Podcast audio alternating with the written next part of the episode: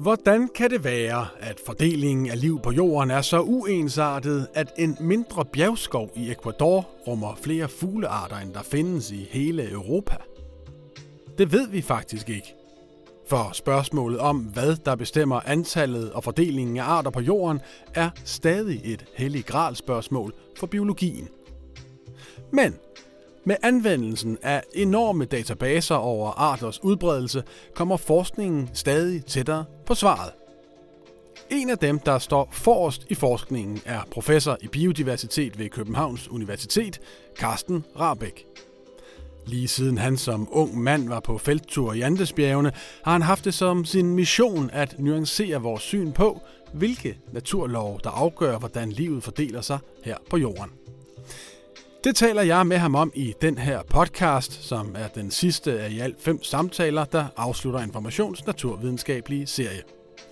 Vi har bedt fem forskere formulere det spørgsmål, som de allerhelst vil have svar på, og for Carsten Rabeck er det netop spørgsmålet om, hvordan arterne udvikles og udbredes. For når vi kender svaret på det, så kan vi måske også forudsige, hvordan vores ødelæggelser af jordens naturområder vil påvirke jordens biodiversitet i fremtiden. I 1989 der blev jeg tilbudt og spurgt, om jeg kunne være med på en ekspedition til Andesbjergene for at øh, finde ud af, hvilke fuglearter der var i, i den sydlige Ecuadors togeskov. Øh, den tur blev definerende for min, min karriere. Før jeg tog afsted, så satte jeg mig ind i øh, fordelingen af, af, af livet her i, i bjergene, og jeg læste som i alle tekstbøgerne, at der var flest øh, arter i lavlandet. Jeg var afsted i seks måneder, hvor jeg gik flere tusind højde kilometer hver dag øh, op og ned af bjergene for at tælle fuglene, og det var fascinerende, at hver eneste gang jeg bevægede mig 500 meter, så var der nye arter.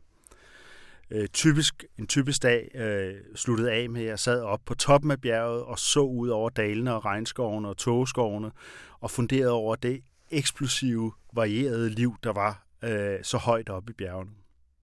Efter seks måneder var vi færdige med at lave vores kortlægning, og dengang der skrev man breve, der skrev vi et brev til vores vejleder om, at vi gerne vil have lov til at gå ned og, og se det fantastiske Amazonas lavland. Fordi det står der i alle øh, bøgerne, at det er det mest artsrige sted på jorden. Og det fik vi lov til. Og jeg har aldrig været så skuffet i mit liv. Nej. For jeg mødte ikke den artsrigdom, øh, som jeg havde troet. Den var fantastisk og stor, men meget mindre end de bjerge, jeg netop var kommet ned fra. Det blev fokus for, for en stor interesse, fordi dengang der var der ligesom tre universelle øh, hvad skal vi sige, grundlove inden for økologien øh, omkring, hvordan biodiversiteten varierer. Øh, og den ene er, at biodiversiteten er størst i troperne, det vil sige, at der er en bredde gradient, når man er på Grønland, er der få arter, lidt flere i Danmark, og så øh, flere sydpå i tropiske, øh, subtropiske og så til det tropiske. Det var den ene. Og den anden universelle regel, det var, at øh, jo større arealet man kigger på, desto flere arter. Og den tredje, det var, at nede i lavlandet, der var der, der var flest arter, og når man gik op ad bjerget med den tyndere luft, den øh, mindre energi, så skulle der være færre arter. Men det var ikke, hvad jeg så. Det var ikke mine naturhistoriske øh, observationer. Øh, og det blev det, jeg kom til at lave både speciale og PhD på, at prøve at finde ud af, hvad var der galt med den her, øh, den ene af de tre grundlov, vi havde. Ja, for i virkeligheden, så den tur der i 1989 som specialstuderende, har jo, er jo endt med at blive helt afgørende, definerende for, for dig som forsker og, og din karriere. Altså, det der spørgsmål, ikke? Altså, hvad bestemmer fordelingen af arter øh, og liv på jorden? Det er jo det spørgsmål, som du har beskæftiget dig med lige siden. Hvorfor er det så afgørende et spørgsmål? Jamen, det er jo interessant i sig selv. Øh, jeg synes, at øh, da jeg var dreng, der var jeg meget fascineret af muligheden for at finde liv i rummet. Øh, ja. Og det er en af grunden til, at jeg blev, øh, gik på universitetet øh, inden for naturvidenskab. Men da jeg kom på universitetet, der opdagede jeg, at vi lever på en ukendt planet. Øh, vi har beskrevet mindre end 10 procent af alle arterne på jorden. Det var også derfor, vi sendte ekspeditioner ud, som jeg var heldig at komme på. Vi fandt også nye fuglearter.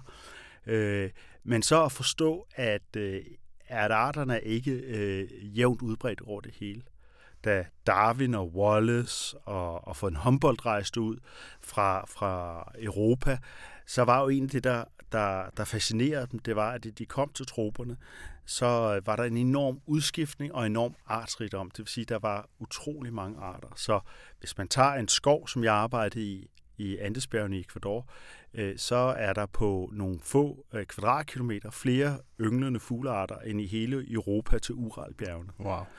Hvis man ryster øh, et par træer ned i Amazonas øh, øh, lavlandet og, og får alle insekterne ned, øh, så er der flere insektarter, end der er i Danmark.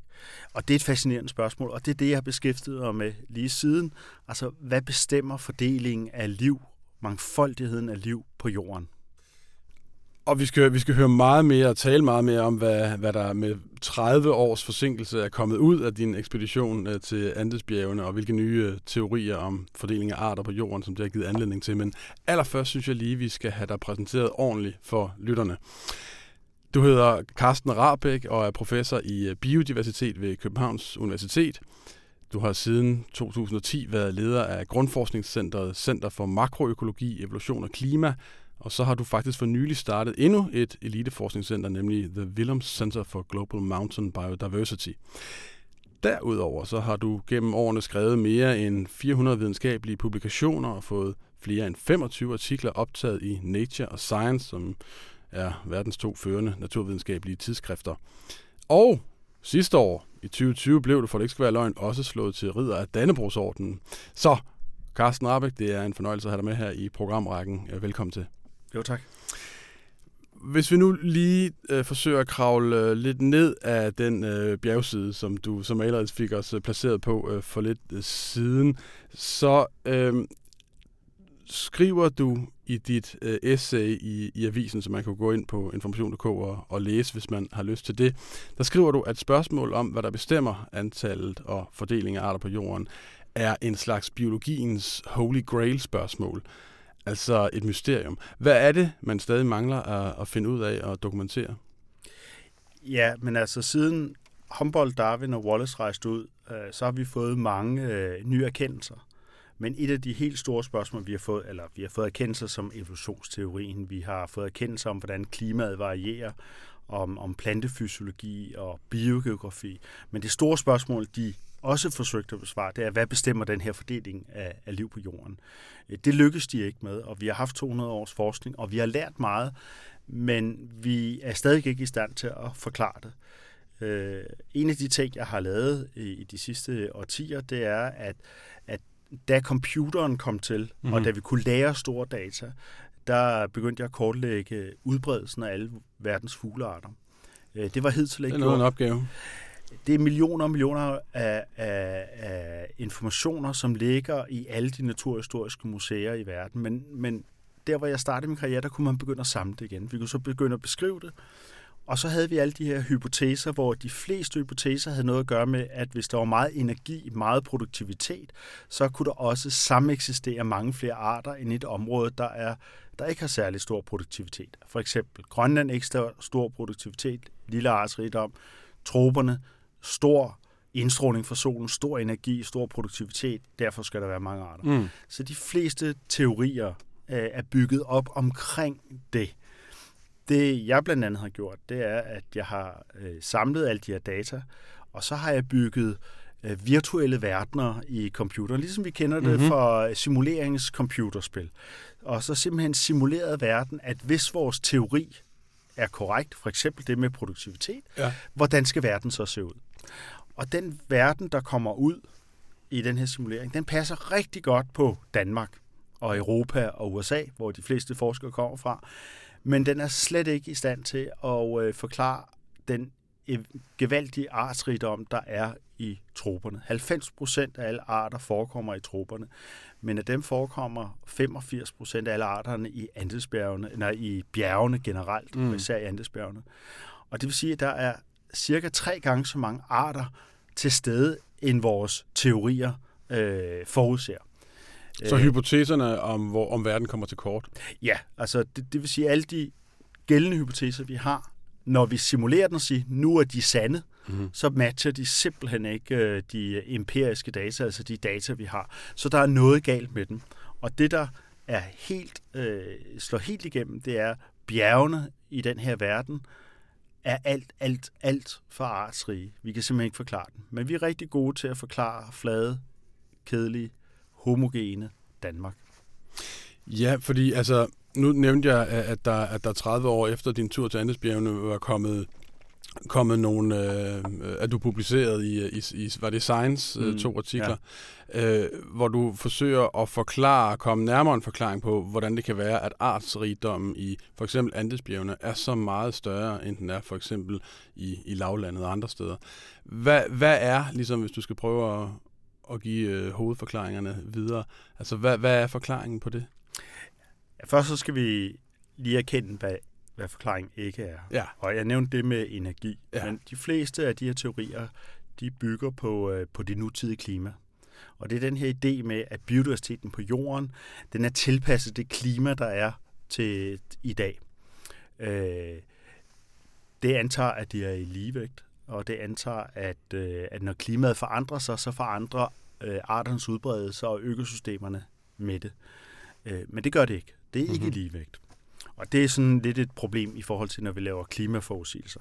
Men vi kan forstå, at, at klimaet i dag ikke er det afgørende. De to ting, som... Øh, som altså det nuværende klima. Det nuværende klima. Men ja. det vi kan finde frem til, det er, at klimavariationerne igennem de sidste, lad os sige en million år, er faktisk mere bestemmende for, hvordan livet på jorden ser ud i dag, end det nutidige klima er. Så det klima, der gik forud for os, har haft indflydelse? Altså, det har haft enorm indflydelse. Men det er over 10.000 år. Så når vi nu kigger på klimaforandringer over 50 år, så er det ikke det, der er mest afgørende. Og den anden ting, øh, det er evolution. Så øh, vi kan se, øh, vi kan se evolutionen i dag. Vi kan se, at der er områder, der har ekstremt mange gamle arter. Det vil sige arter, der har vidt udbredelser, men som har overlevet under klimaforandringer, men de har overlevet i de samme områder af bjergene. Og vi kan også se, at de her områder er de samme områder, som fungerer som, som evolutionære artspumper. Det vil sige, at der bliver dannet nye arter. Så bjergene er et område, hvor arter overlever, og det er et område, hvor arter dannes. Og hvis man over lang tid har masser af nye arter, og ingen arter uddør, så ser der en akkumulering og der er rigtig mange arter. Så når vi går ud og ser på verden i dag, så ser vi direkte ind i evolutionen, det der er foregået øh, tidligere, i langt højere grad, end vi ser tilpasninger til det nutidige klima. Men klimaet, det kunne også være den måde, vi har tænkt på klimaet som en ressource af, af energi, at, at den er forkert. Mm-hmm. Så det kunne være, at øh, de data, vi har, ikke er på den rigtige skala. Vi ser tit på stor skala med klimaet. Men hvis man går ind i bjerg, så, øh, så er der enormt stor øh, klimavariation inden for et meget lille område. Jeg tror, vi alle sammen har prøvet selv i Danmark at være på solsiden af en bakke og bevæge os om på skyggesiden af en bakke. Ja. Der er kæmpestor klimaforskel, men det er over ganske få hundrede meter. Og i bjergene er det også sådan, at hvis du er bag en sten eller står foran en sten, så er der stor klimaforskel. Det ved et hver haveejer også, at de her mikroklima betyder rigtig meget. Men det vi viste, det var, at hvis man tager alle verdens klimatyper mm-hmm. øh, og, og, og plotter ind, så er øh, den nordlige del af Andesbjergen har 60 procent af alle verdens klimatyper, fra det højarktiske til det mest ekstreme tropiske. Men det er pakket ind på et lille bitte område. Så det kan være, at det er pakningen af klimaet. Det mm-hmm. at der mhm. er så mange klimatyper, som de forskellige arter er tilpasset, der gør, at de kan sameksistere, og ikke så meget med, med ressourcerne gør. Så det kan være, at vi har tænkt på klimaet forkert. Til gengæld, eller til sammenligning kan man sige, at Amazonas, som er 8-10 gange større, de har kun 20 øh, procent af jordens klimatyper. Så klimaet kan sagtens øh, spille en rolle. Så, så altså, når du sagde tidligere, tror jeg, nævnte tallet 85 procent af jordens arter, der ligesom er repræsenteret, eller er i de tropiske øh, egne og i bjergene. De er 90 procent af arterne er i troperne, og 85 procent er i jordens bjerge. Det er også øh, de tempererede og de subtropiske. Så når så, når så, så mange af, af verdens arter er repræsenteret netop i bjergene, så kan forklaringen være, at der simpelthen ikke er ét klima i bjergene, men der er mange forskellige. Ja, man kan også illustrere det ved, og, og, og hvis man rejser, kan man jo selv prøve det. Hvis vi rejser fra Danmark til troperne, øh, så går vi jo fra det tempererede klima til det tropiske klima. Det er en rejse på 10-15.000 km. Ja. Man kan også gå ind i et øh, bjerg i troperne og starte fra foden. Der starter man det tropiske, og så kan man gå 5 km op, og så er man i det arktiske. Ja, det er vildt. Så, så, så der er en enorm øh, variation i klimaet inden for meget kort afstand.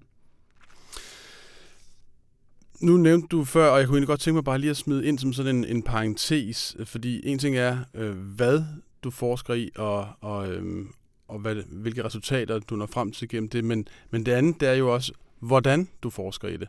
Øh, altså, for det er jo ikke øh, længere kun ved at være rundt i Andesbjergene og betragte, altså øh, computerteknologi spiller jo en helt afgørende rolle for dit arbejde. Kan du ikke lige skrive, hvad det er, der har hvordan computerteknologien faktisk har gjort jer i stand til, jo, som jeg forstår der, faktisk at dokumentere evolutionen? Jamen, hvis vi går tilbage til, da jeg rejste til Andesbjergen første gang, så, øh, så var computeren ikke særlig udbredt. Der var masser af information rundt omkring, fordi vi har jo lavet ekspeditioner og, og naturhistoriske optællinger i, i flere hundrede år, men de lå spredt ud. Det, at computeren kom, gjorde, at vi kunne samle data. Det var det første, så kunne vi dokumentere det. Det, at computerkraften er blevet enormt stor og kraftig, gør, at vi nu kan lave store simuleringer. Det var noget, der slet ikke kunne lade sig gøre for 10-15 år siden. Så vi har fået åbnet en, en, en helt ny verden øh, til at teste vores hypoteser. Øh, det har været ret svært før. Øh, men vi er stadigvæk øh, i kombination med øh, gummistøvlebiologien. Vi, vi tager afsted her i starten eller i midt januar til Andesbjergene, Okay. Hvor i forbindelse med nye center, der skal vi ud og lave en masse feltarbejde. Så, så det er stadig med kikkert og i regnvejr og gummistøvler. Vi skal ud og observere og se, hvad der er. Men ud over computerteknologien, så kombinerer vi det også med genomteknologien. Vi laver rigtig meget genomarbejde. Og genomet, det er, at vi kan ud for bare en fangen fugl i felten, tage en blodprøve, så kan vi kortlægge alle de 12.000 gener, som ligesom gør, organismen for den her individ. Men det vi kan ved genomteknologien, det er, at det er vores tidsmaskine. Vi kan rejse tilbage i tiden. Så hvis vi får 5-6 fugle et sted fra, så kan vi, for, så kan vi faktisk kortlægge, den, hvordan bestanden har varieret igennem den sidste million år. Og det kan vi så sammenligne med at sige, hvad skete der tidligere? Hvad, hvad var der af klimaforandringer? Hvordan er det sket. Vi kan også se, om der er nogle individer, der er kommet ind i bestanden, så vi kan faktisk rejse igennem tiden. Det vi aldrig kunne før. Der har vi kunnet spekulere. Nu kan vi faktisk få data på det.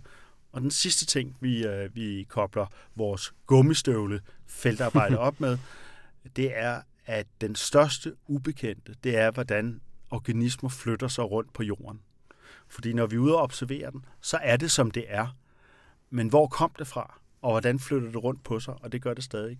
Og der har vi et øh, stort projekt med øh, det europæiske og russiske rumagentur, hvor vi har en kæmpe antenne op på den permanente øh, vers, øh, satellitstation øh, i rummet, og så har vi udviklet miniatyrsendere sammen med især tysk industri, som gør, at vi kan sætte bitte små sendere på, som så sender op til, øh, til rumstationen, der så sender ned til vores computer, så vi nu in real life øh, kan følge organismernes bevægelse.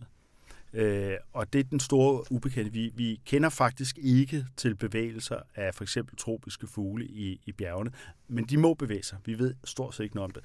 Så vi har kæmpe computersimuleringer, vi har genomteknologier, og vi har rumteknologi, men det hele står falder med data fra naturen, og derfor så laver vi en masse feltarbejde, hvor vi samler data ind stadigvæk. Kan I så sige noget om, fordi nu talte vi før om, at, at, øh, at I er gået væk fra, fra, fra de hypoteser, som baserede sig på øh, et, øh, et nuværende klima, og så og, og kigger på, hvordan det klima, der er gået forud for os, har haft betydning for, for arten, arternes udbredelse og udvikling. Kan, kan I alligevel så sige noget altså ved hjælp af jeres opdagelser om, hvilken betydning klimaforandringerne vil få for mangfoldigheden af arterne i fremtiden? Ja, det er jo en af de ting, vi gerne vil besvare. Øh, I øjeblikket, der, altså, der foregår klimaforandringer. Vi kan se, at arterne flytter på sig. Det sker allerede i dag. Øh, vi har lavet en masse modeller, hvor vi siger, at hvis klimaet over de næste 50 år udvikler sig, som klimapanelets scenarier siger, så kan vi putte det ind i nogle modeller, og så kan vi sige, så sker der de her forandringer. Det er det, som jeg og nogle af mine kollegaer for eksempel har lavet til, til FN's klimapanel. Hvad kommer til at ske? Problemet med de modeller er, at de bygger på den antagelse, at det nutidige klima er det, der bestemmer arterne. Hmm. Og det er det, jeg næsten lige har sagt, ja. at det gør det ikke. Nej. Og grunden til, at de modeller er lavet sådan, det er, fordi vi skal et eller andet og, og, og, og hægte, hægte det op på. Så lige nu, så kan, ved vi, at det, vi hægter det op på, det er ikke så præcist. Så vi må finde ud af, hvad det er. Men det skal ikke forstås sådan, at klimaforandringer ikke kommer til at betyde store forandringer derude. For mm. det gør der. Men så vi kan sagtens lave modeller og sige, at der bliver gigantiske forandringer, men præcis hvad der kommer til at ske, det ved vi ikke. Og den anden ting, vi kan se ud af de resultater, vi allerede har lavet, og andre forskere i verden har lavet, det er, at selve klimaforandringerne er ikke en stor og væsentlig faktor i øh, negative faktorer, der udrydder liv på jorden. Øh, alt det liv, der er på jorden, har været igennem klimaforandringer, som, øh, som har været store og voldsomme, eller det, der kommer til at ske nu. Men de har overlevet igennem. Der er en helt anden faktor, der spiller ind. Dengang, hvor de overlevede, så øh, var der natur over det hele. Nu ja. har vi mennesker fjernet eller ødelagt 70 procent af alle økosystemerne på jorden. Ja. Så når man bliver påvirket i et område, så har en art tre muligheder. Den kan tilpasse sig det, mm-hmm. den kan flytte sig, men at flytte sig, det kræver, at der er et sted, man kan flytte sig hen, og man kan flytte sig igennem natur, eller man kan dø. Det, det tyder på, det er, at tilpasningskraften er ret stor, og arter kan overleve i mindre bestande. Men det, de har svært ved at overleve, det er ødelæggelser af levesteder. Hvis der ikke er noget sted at leve, så kan man ikke leve. Så pladsen til naturen ja. er det altafgørende. Klimaet er en forstærkende faktor, men ikke den primære, klimaforandring er ikke den primære faktor for biodiversiteten. Det er ødelæggelse af naturen og mangel på plads til naturen. Ja, overopdyrkning af arealer og mennesker, der fylder i deres byer og med deres infrastruktur og så videre. Så videre vores så videre. skovbrug, vores landbrug, dræning ja. vådområder, det er cirka 70 procent på jorden, vi har modificeret. Hvis vi lige sådan uh, her uh, mod uh, slutningen skal, skal vende tilbage til det der uh, biologiens uh, holy grail uh, question der, ikke, som vi begyndte med, altså hvad bestemmer antallet og fordelingen af arter på jorden. Nu har vi fået udryddet, aflivet nogle teorier de seneste øh, minutter, vi har snakket sammen, og vi har fået lanceret nogle nye. Hvis du sådan lige skal forsøge at at opdatere, altså hvor står vi lige nu? Hvad er den jeres bedste teori lige nu om, øh, hvad der bestemmer øh, arternes udbredelse og fordeling på jorden? Jamen det er, at øh, der er flere ting. Det, det er øh, de evolutionære kræfter, altså artsdannelsen, men så også artsoverlevelsen. Der er meget, der tyder på, at arter kan overleve mindre bestande, end vi tidligere har troet. Og øh, det er selvfølgelig interessant i dag, men det var også interessant, når der har været store klimaforandringer. Og så tror vi rigtig meget på, at øh, de her mikroklimavariationer er, er virkelig, virkelig afgørende. Tidligere har man regnet med, at hvis øh, der blev 2-3 grader varmere, så skulle arterne flytte 600 meter op ad et bjerg, og når de sådan ramte toppen, så kan de ikke leve i luften, så vil de uddø. Men klimavariationen inden for 100 meter i mange bjergområder er 8 grader, så de skal sådan set bare flytte sig 50 meter til siden. Ja. Det forudsætter, at der er noget, noget natur. Og så har vi en ret vild øh, ting i øjeblikket, som vi ikke har nogen god forklaring på. Det er bare den klassiske, det der også findes inden for naturvidenskaben, det er, at vi observerer noget, mm-hmm. som er uforklarligt. Hvis vi ser på de her bjerge, så er ikke alle bjergene øh, lige artsrige. Der er nogle ganske få bjergregioner i verden, der er helt eventyrlige artsrige.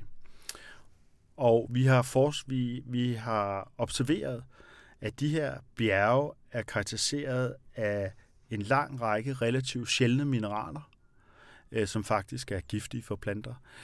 De er opstået, enten så har de vulkansk oprindelse, eller også er det øh, bunden på havene, der har løftet sig op. Det er for eksempel tilfældet med Andesbjergene. Så i toppen af Andesbjergene, der er der gammel havbund. Mm. Den her havbund og vulkansting har en lang række mineraler, som, øh, som man betragter som giftige for planter. Men vi kan observere, at den type bjerge er ufattelig mere artsrig end bjerge, der for eksempel er opstået som Himalaya, hvor Indien er braget ind og løftet sig op. Øh, så det har vi puttet ud i, øh, beskrevet den her øh, artikel i, i, i en, en af de sidste artikler i Science, og sige, det her, det er, det kan vi observere. Det er et fantastisk klart mønster. Og vi har også givet en forklaring, som jeg ikke selv tror på, og nærmest inviteret til, hvem kan dog løse det her? Ned. Ja. Hvad skyldes det her? Men det er også en indikation på, at vi skal til at sende, tænke biologien og geologien, altså igen historien sammen. For den her historiske effekt har kæmpe, kæmpe øh, betydning for fordelingen af liv på jorden. Og, og øh, altså det er en eller anden form for også invitation til, at andre fagfelter øh, blander sig i, i, i øh, forskningen? Jamen det er jo det, vi, vi... Altså de to store oversigtsartikler, jeg skrev, var en opsummering af, hvad har vi og alle andre forskere de sidste 20 år lært? Hvad ved vi er forkert? Og hvad er det for nogle mønstre, der er? Og, og hvor tror vi, hvilken retning går det i retning af?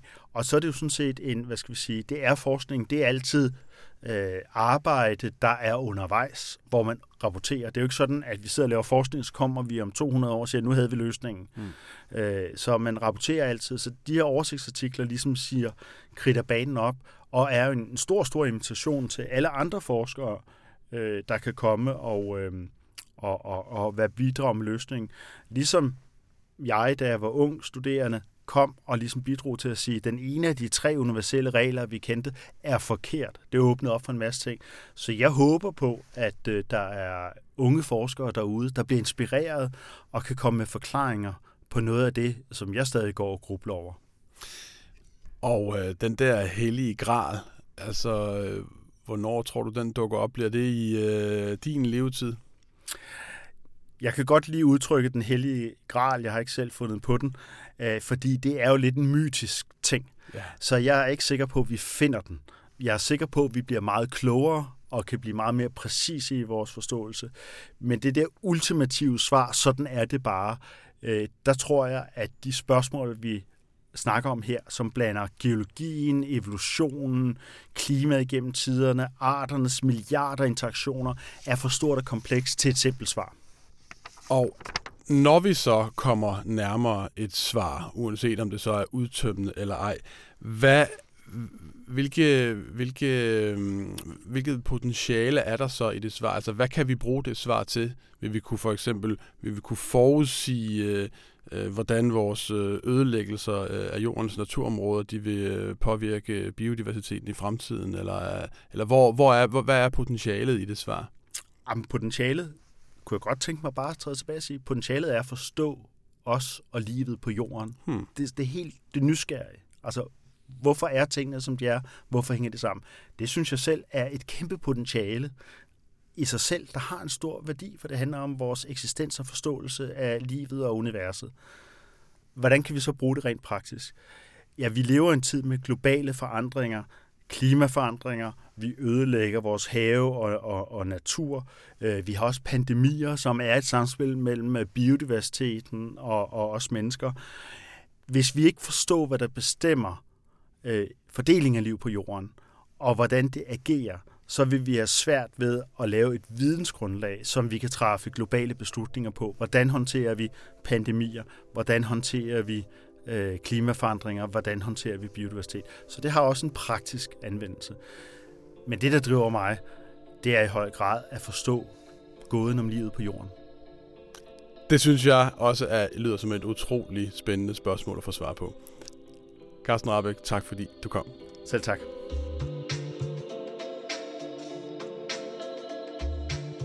Det var professor Carsten Rabeck.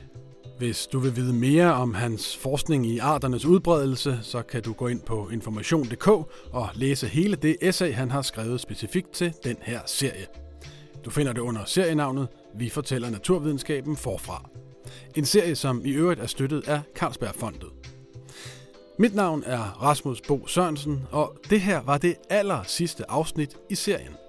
Men hvis du ikke har fået nok, eller hvis du bare mangler en julegave at lægge under træet, så findes serien nu også i bogform.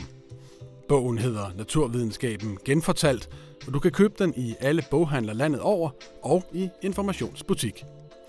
Ellers er der ikke andet tilbage at sige, end at det har været en fornøjelse at dykke ned i naturvidenskabens historie med jer. Så for sidste gang, tak fordi I lyttede med.